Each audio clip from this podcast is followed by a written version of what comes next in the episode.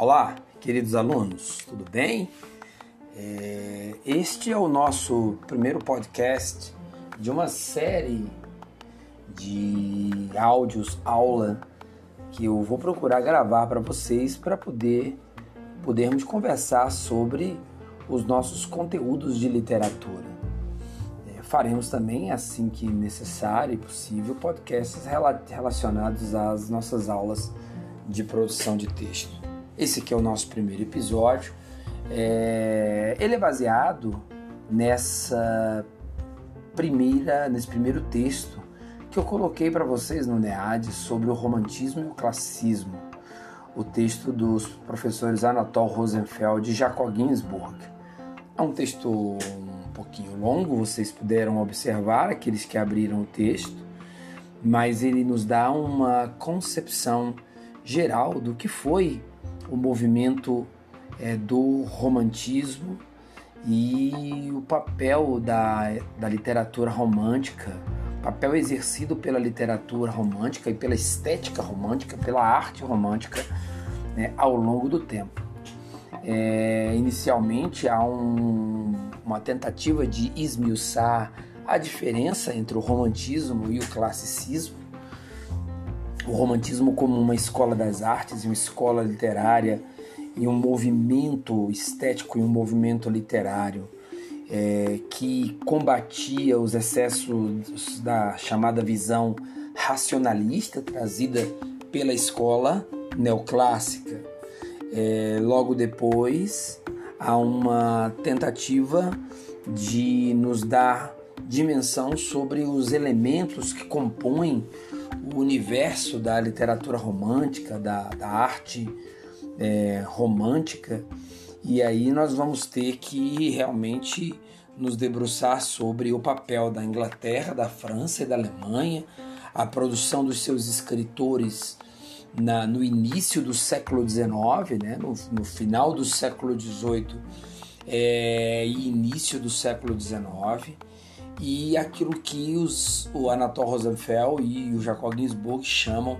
de uma onda de sentimentalismo burguês que toma conta é, no final dos, né, na, dos séculos é, 18 e depois entra pelo século 19 com escritores famosos como o alemão Goethe que escreveu é, os sofrimentos do jovem Werther. Você vai ter também é, toda uma literatura é, que vai ser esboçada em cima das tendências é, revolucionárias e das grandes discussões revolucionárias trazidas pelo iluminismo francês, principalmente pelo pensamento de Jean-Jacques Rousseau e do enciclopedismo que toma conta da França, né? É como que essa concepção, depois, por exemplo, do Rousseau, vai inspirar o nascimento de uma literatura indianista no Brasil. É claro que a gente sempre que fala de romantismo acaba por é, entrar por questões como a formação dos gênios revolucionários românticos, é, o papel do tema da juventude é, no momento em que o mundo mudava suas características fruto da Revolução Francesa e da Revolução Industrial, o papel dos temas amorosos e dos temas lírico-amorosos é, dentro da estética romântica, porque o, o homem romântico seria aquele que não deixaria de esboçar qualquer dos seus sentimentos é, e jamais subordinaria é, as suas emoções à razão. É, e, nessa, e nessa seara também o nascimento de uma literatura muito nacionalista, fruto da Revolução Francesa. É, esse resumo de ideias é capaz de nos dar e de mencionar é, que o papel é, do romantismo foi não só essa ruptura com um estilo clássico e racional de arte e literatura é, que vinha sendo é, construído, mas também com uma verdadeira formação da personalidade autoral, da personalidade do artista, que teria no romantismo se desamarrado e se desvinculado completamente é, saído dessa sufocação, como se diz, do ponto de vista estético, produzida por estéticas anteriores, produzidas por artes anteriores, principalmente a arte clássica e a arte é, barroca. Não é preciso também é, perceber que esse é um período em que o romantismo vai é, se difundir em torno de uma série de novas formulações filosóficas e ideológicas que tomavam conta da Europa. Entre elas, o idealismo alemão e também o, o pensamento é, social se tornando algo muito forte, principalmente nas discussões em torno do papel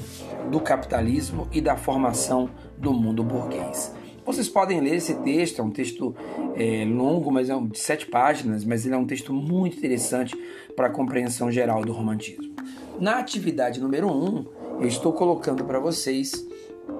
é, que uma série de pequenos textos em que vocês possam analisar é, as três gerações românticas brasileiras. Eu vou nos próximos podcasts falar da da geração número 1, depois da geração número 2, depois da geração número 3, ou primeira, segunda e terceira gerações do romantismo, para apoiar vocês em torno também dessas dessa pesquisa é, que vocês vão ter que fazer para responder a questão da, da, das ligadas às questões ligadas ao romantismo que eu coloquei para vocês, né? É, essa atividade número um é uma atividade mais de pesquisa, pesquisem para saber responder e depois ao longo das aulas nós vamos retomando esses temas e esses aspectos, tá? Toda semana colocarei aqui um podcast para vocês, para que nós possamos realmente vencer esses assuntos que são tão importantes para o universo literário e para a compreensão da literatura como esse conjunto cultural tão valoroso. Muito obrigado, queridos.